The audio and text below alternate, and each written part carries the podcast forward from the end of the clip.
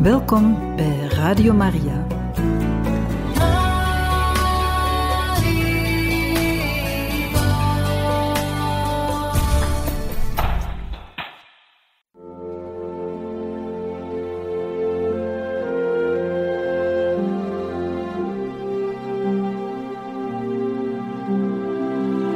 Beste luisteraars van Radio Maria, welkom bij het programma Catechismus. Een overweging bij de geloofschat van de kerk.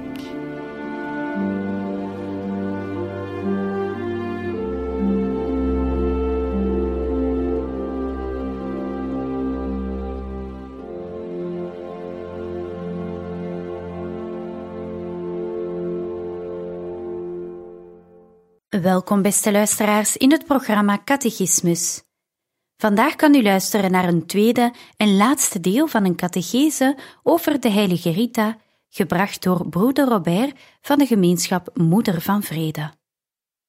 Beste mensen, in de eerste catechese hebben we geëindigd met te zeggen dat ook de heilige Rita een grote verering had tot de maagd Maria.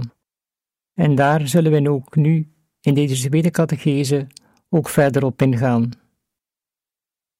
Een tijdgenoot van de heilige Rita schrijft hierover het volgende. Deze godsvrucht was zo dierbaar aan de heilige Rita, dat ze aanbeval aan allen die haar om raad en hulp smeekten. Wees verzekerd, zei ze, dat God geen genade noch gunsten verleent tenzij door de handen van Maria. Is God de bron van de genaden, dan is Maria de buis waardoor ze naar ons toevloeien. En blijft deze buis gesloten, dan wordt onze ziel ook niet besproeid. De ijver waarmee de heilige Rita de godsvrucht tot de heilige maagd Maria aanbeval, en vooral de liefde waarmee zij haar feestdagen vierde, werden rijkelijk beloond, want meermalen werd haar ziel op die feestdagen met zulke overvloed van hemelse vreugde overstroomd, dat ze erdoor in geestesvervoering geraakte. Een andere tijdgenoot van Rita was de zalig Jacobus de la Marca, een Franciscaan, beroemd om zijn deugd en welsprekendheid. Na verscheidene jaren een gezegende apostolische arbeid te hebben verricht in Bosnië-Herzegovina en in Hongarije, werd hij door paus Eugenius IV teruggeroepen om in Midden-Italië de kruistocht te prediken tegen de oprukkende Turken. Hij doorkruiste de omtrek van Spoleto en verkondigde het woord Gods ook in Kasha. Priesters, kloosterlingen en de gewone gelovigen kwamen naar hem luisteren. Ook de zusters van het Maria Magdalena klooster waren aanwezig, en Rita eveneens. De zalig Jacobus voerde het woord over het lijden des Heren, zijn krachtige en roerende uiteenzetting maakte een geweldige indruk op de toevoerders. Rita was diep door getroffen. Thuisgekomen ging ze haar gemoed uitstorten aan de voet van het kruisbeeld. Reeds gewond in de geest smeekte zij de goddelijke meester om in haar lichaam iets te laten gevoelen van de overgrote bittere smarten welke hij had verduurd. En plots ging aan de kroon van het kruisbeeld een doornos welke als een pijl met zulke kracht in het linker gedeelte van het voorhoofd van Rita vloog, dat het tot het gebeente doordrong. De pijn die ze voelde was zo geweldig dat ze ervan in bezwijming viel, maar de genade versterkte en ondersteunde haar natuur. De wonde genas niet meer en ging tot bederf over zodanig dat men er de wormpjes in zag wemelen. Het verspreidde ook een onverdraaglijke geur, waarbij Rita een voorwerp van afkeer werd, ook voor haar medezusters die haar gezelschap vluchten. Maar zij verheugde zich hierover. Zo had ze immers een trek van gelijkenis te meer met de lijdende Jezus. Dit gebeurde op Goede Vrijdag van het jaar 1443. Toen men haar eens vroeg wat de wormpjes waren, welke van haar voorhoofd vielen, antwoordde zij opgeruimd en glimlachend: Dit zijn mijn engeltjes. Zelfs te midden van haar lijden bewaarde ze een heilige blijdschap. Zeven jaren gingen al zo voorbij, in lijden en gebed, zonder dat we enig vermeldenswaardig feit uit haar leven hebben mede te delen. Tot het jaar des Heren 1450, Paus Nicola V een jubeljaar afkondigde, het vijfde jubileum dat in de kerk werd gevierd, om zo de schatten van de aflaten over de gelovigen uit te storten. In Europa heerste vrede en rust, en was er een opbloei van godsvrucht onder de christenen ontstaan. Uit alle landen stroomden duizenden bedevaarders naar de eeuwige stad. Ook bij de heilige Rita ontstond het vurige verlangen om aan het grote voorrecht deelachtig te worden. De overste durfde de toelating niet verlenen, omwille van haar walgelijke wonden. De overste zei glimlachend: Als je wonden zal genezen zijn, zal ik je de toelating geven. Rita keerde naar haar cel terug en nam haar toevlucht door het gebed tot God. En de Heer schonk haar onmiddellijk de genezing van haar wonden. De overste aarzelde geen ogenblik om de gevraagde vergunning te verlenen, tevens haar zegen aan Rita te schenken. En zo vertrok Rita in gezelschap van haar medezusters op pelgrimstocht, enkel bezorgd om de grote aflaat van het jubileum te gaan verdienen. Ook tijdens deze tocht blijft zij onthecht van aardse goederen, toen ze een ontvangen geldstuk in de stroom wierp. Was overtuigd dat God wel zorg voor haar zou dragen. En inderdaad, haar vertrouwen werd niet beschaamd.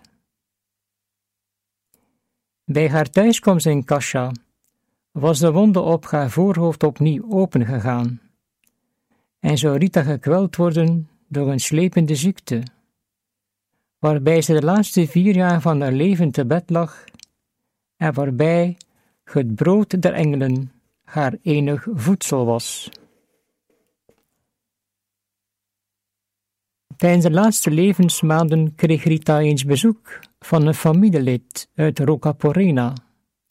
Toen ze op het punt stond afscheid te nemen van haar, vroeg ze of ze geen dienst kon bewijzen. Ja, antwoordde Rita. Als je te Rocaporena teruggekeerd zult zijn, ga dan naar de tuin van mijn vroegere woning. Pluk daar een roos en breng ze mij. Het was toen te midden van de winter, in de maand januari, waar de natuur begraven ligt onder sneeuw. Ter Roccaporena aangekomen begaf ze zich naar de aangewezen tuin, en nauwelijks was zij er binnengetreden, of ze zag tussen de bevroren struiken een kleurige en geurige roos.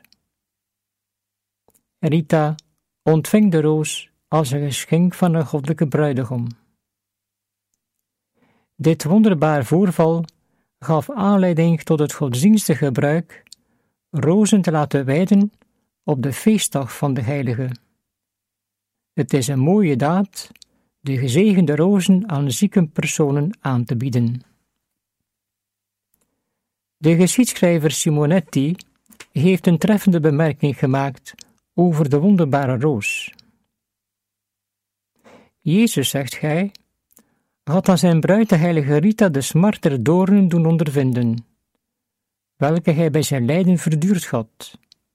Maar hij wilde ook dat de doorn, die zij in haar voorhoofd had ontvangen, zou gepaard gaan, vooraleer zij stierf, met een roos, als blijk van zijn liefde en tot troost in haar lijden. Wanneer Rita's bloedverwante zich gereed maakte om te vertrekken, vroeg zij aan de zieke of zij soms nog een dienst kon bewijzen. En Rita antwoordde: Daar ge zo bereidwillig zijt, ga terug naar de tuin en breng mij twee vijgen mee. Rita's nicht vertrok duidelijk naar de tuin in Roccaporena, plukte de twee vijgen en bracht ze onmiddellijk bij Rita. Zo volmaakte God het eerste wonder. Aan de bloemen voegde hij vruchten toe, het is Gods geschenk, was dus volledig. De heilige zag in de roos en de vijgen haar door de Heer geschonken een voorteken van de bovennatuurlijke bloemen en vruchten, die zij weldra zou plukken in het hemelse paradijs. Enkele dagen voor haar afsterven verscheen Jezus, vergezeld van zijn moeder Maria, en kondigde haar aan dat ze na drie dagen deze wereld zou verlaten om de heerlijkheid van de hemel binnen te gaan. De heilige bereidde haar grote reis voor met een stichtende vurigheid. Ze nam ook de eerbiedige vrijheid alle zusters aan te sporen om de heilige Augustijnse regel steeds te onderhouden. De kloosterzusters verzochten Rita om haar zegen als een bewijs van liefde, welke zij haar in dit leven had toegedragen, en als een onderpand dat zij hierboven niet zou vergeten. Nadat de heilige Rita de heilige sacramenten had ontvangen, sloeg zij de ogen ten hemel, kruiste de handen over elkaar en beval in Godschanden haar schone ziel, die opsteeg naar het verblijf van de uitverkorenen, om er de beloning te ontvangen van haar heldaftige deugden en haar bevrijdend martelaarschap. Dit zalig afsterven had plaats in de nacht van zaterdag 22 mei van het jaar 1447, onder het pontificaat van Paus Callistus III. De heilige had de leeftijd bereikt van 76 jaar, waarvan 40 jaar in het klooster te Cascia.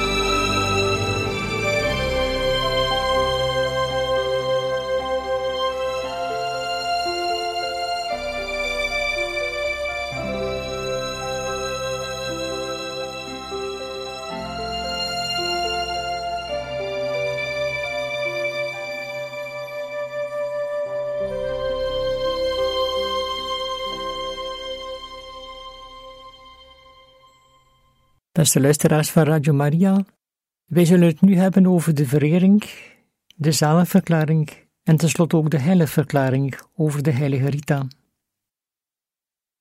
Pas had de ziel van de heilige Rita haar lichaam verlaten, overstroomde een grote menigte het Kasha toe. Rondom het lichaam en begon vol verering de nieuwe beschermster te aanroepen. Er werden heel vlug afbeeldingen ontworpen en er ontstond van oudsher de gewoonte om jaarlijks het feest te vieren van haar kostbare dood, of liever van haar geboorte tot het eeuwige leven. In de loop der eeuwen breidde deze verering steeds verder uit. De pelgrims vroegen steeds naar het klooster van de heilige Rita. Vandaar dat het klooster van de heilige Maria Magdalena een nieuwe naam zal krijgen: het klooster van de heilige Rita. Omstreeks tachtig jaar na haar dood werd zij in brieven en oorkonden gelukzalig genoemd. Op 16 oktober van het jaar 1626 zal de Congregatie der Riten, of kerkgebruiken, het vereiste onderzoek instellen tot de zaligverklaring van Rita.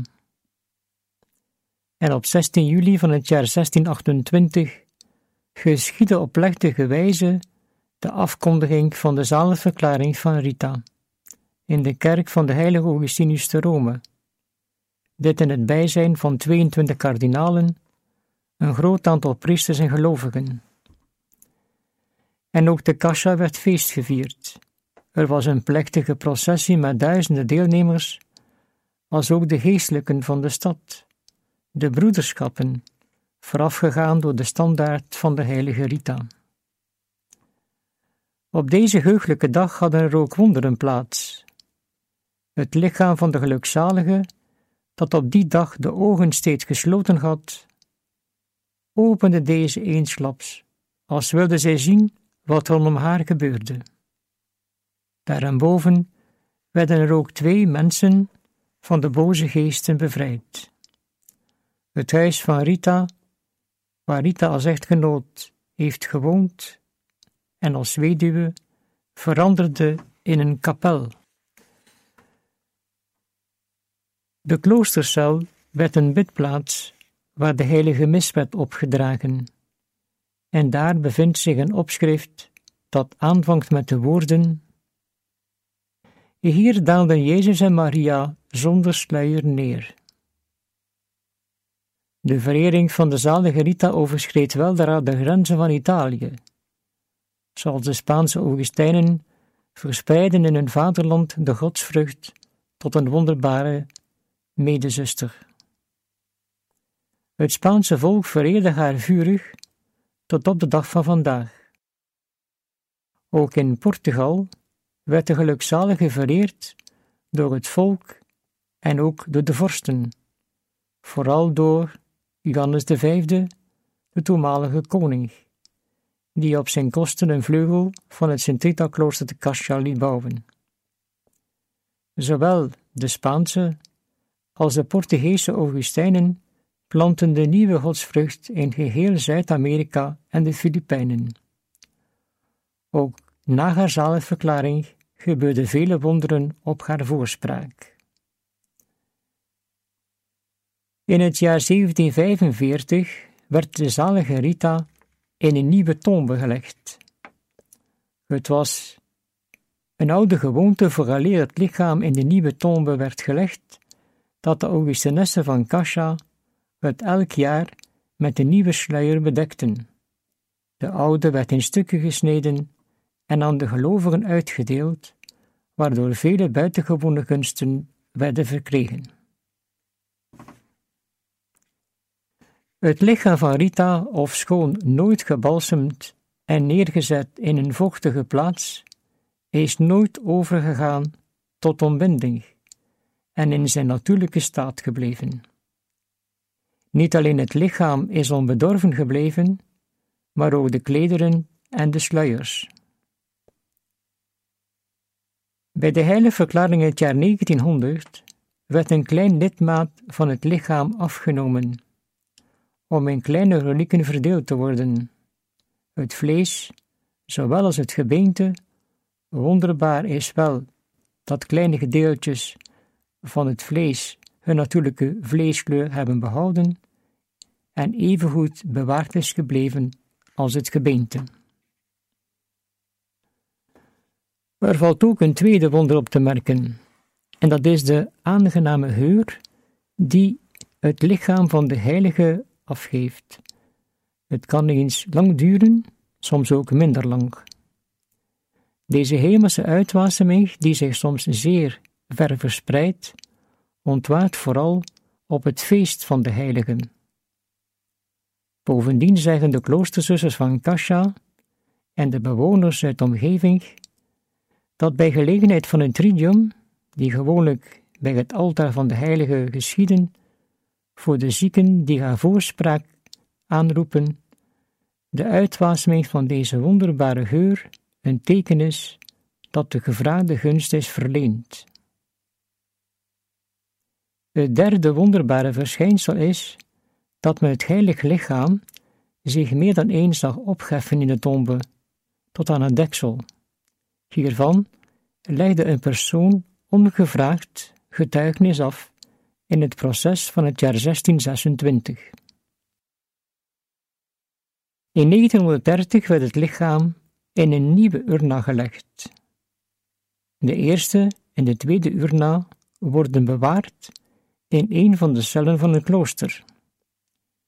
Maar sinds de aardbeving enkele jaren geleden zijn die verplaatst naar een veilige plaats binnen het klooster.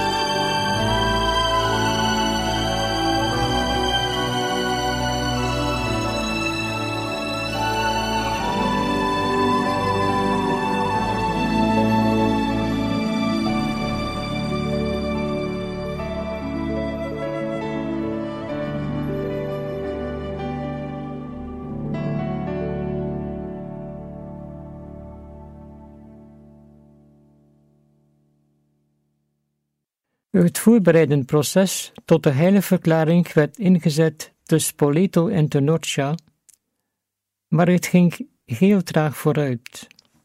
Er waren onlusten in Europa, veroorzaakt door de Franse Revolutie die begonnen was op 14 juli 1789. Pas in het jaar 1851 kreeg de bisschop van Norcia de opdracht om het onderzoek voor te zetten en te voleindigen.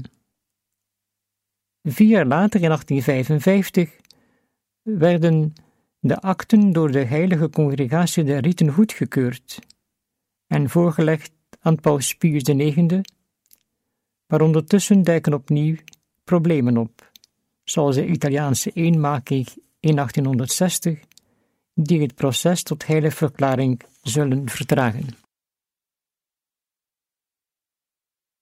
Onder het pontificaat van Paus Leo XIII werd de zaak tot een gelukkig einde gebracht. De drie gewenste mirakelen waren gevonden en aangenomen. Ten eerste de hemelse geur die van het lichaam van de heilige uitgaat. Ten tweede de plotselinge genezing van de kleine Elisabeth Bergamini, die aan een ongeneeslijke oogkwaal leed. En ten derde de volmaakte genezing van Cosmas Pellegrini, die door verschillende ongeneeslijke ziekten was aangetast. In maart 1900 geschiedde de officiële erkenning van deze drie wonderen. Op 24 mei 1900, die trouwens ook een jubeljaar was, werd Rita samen met Jean-Baptiste de la Salle, de stichter van de christelijke scholen, in de Sint-Pieter-basiliek te Rome heilig verklaard. 24 mei 1900 was toen de heerlijke feestdag van ons lieve Heer Hemelvaart. Te Rome waren er ongeveer 60.000 mensen aanwezig die deelnamen aan deze plechtigheid. De standaard werd gedragen door de leden van de broederschap, onze lieve vrouw der Smarten en van de heilige Rita van Kasha. De standaard werd voorafgegaan door zes Augustijnen en zes broeders van de christelijke scholen, die eveneens de standaard van de heilige Jean-Baptiste de la Salle voorafgingen. Een lange rij van 220 bisschoppen. De stoet werd gesloten door de heilige vader Paus Leo XIII, gedragen op een draagstoel. De uitgelezen muziek van de Sixtijnse kapel werd bijgestaan door zo'n 180 zangers van de verschillende kerken van Rome. Dit alles onder leiding van de toen beroemde bestuurder van de Sixtijnse kapel, Dominicus Mustafa. Ze voeren de mis Haudi Christus natus est van Palestrina uit. Allerheerlijkst is het Cantate Canticum Novum naar het offertorium. Het feest, het feest van de heiligverklaring maakte een ontzaglijke indruk, onuitwisbaar voor het hele leven. Men aanschouwt hoe de kerk deugden kweekt en heiligen vormt, hoe de kerk de deugden toetst en de heiligen door Gods wonderbare hulp erkent. Eindelijk hoe de kerk de deugden kroont en de heiligen met heerlijkheid omgeeft.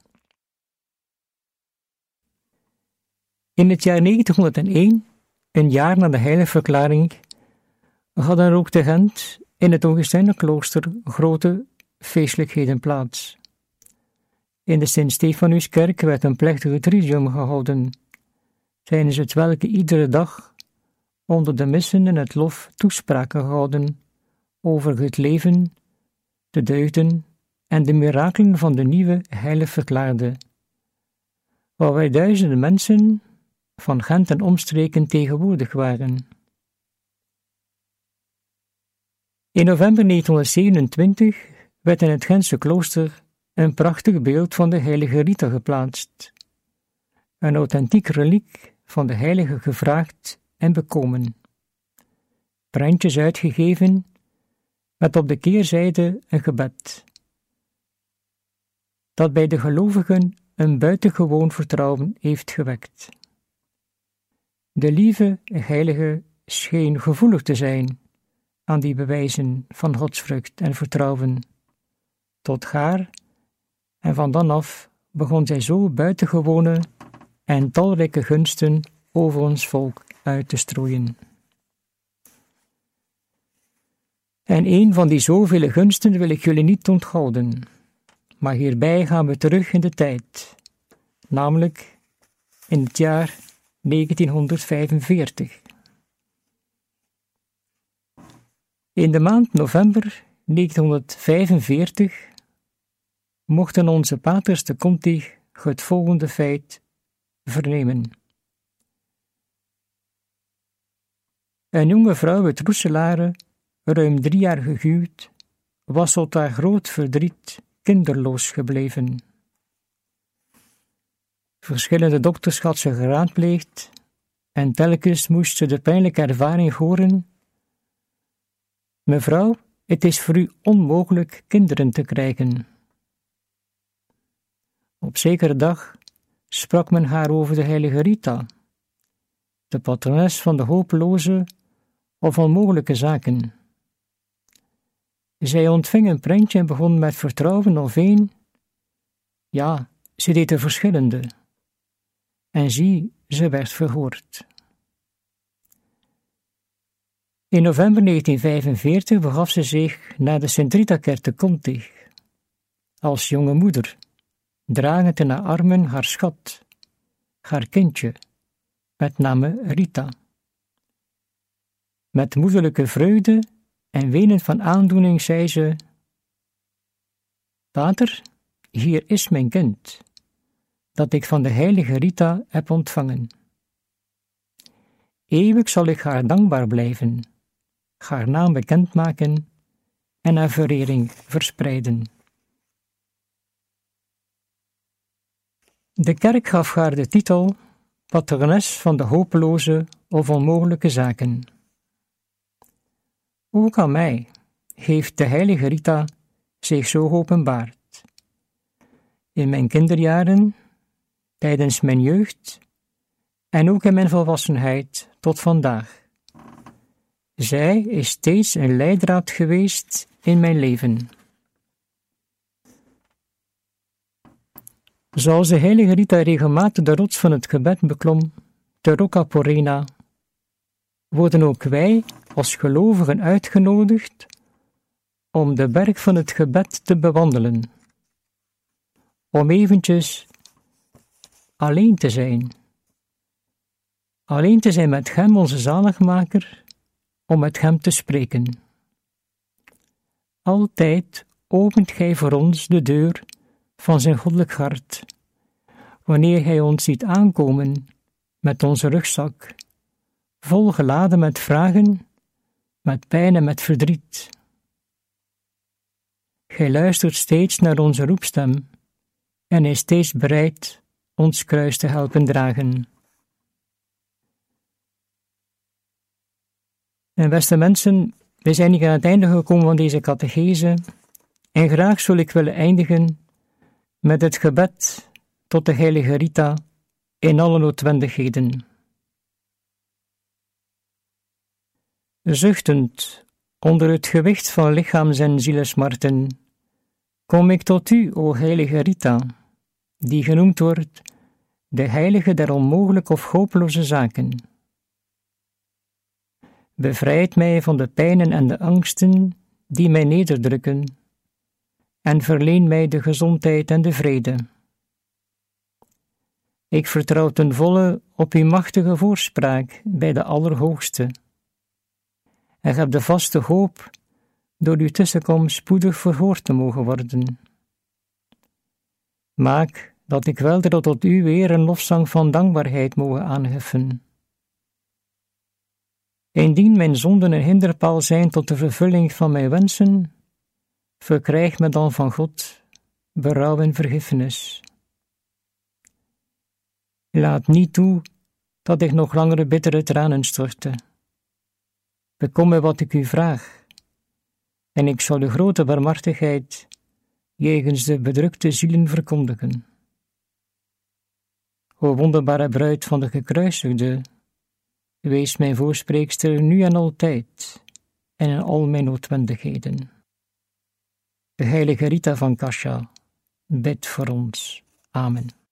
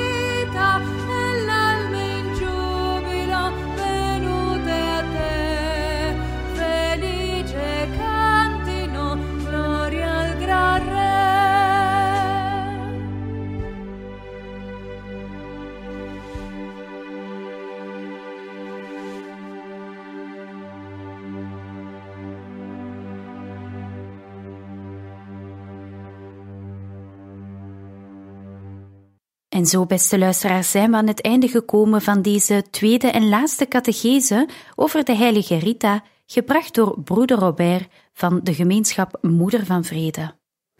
Radio Maria wenst u nog een zeer mooie dag toe.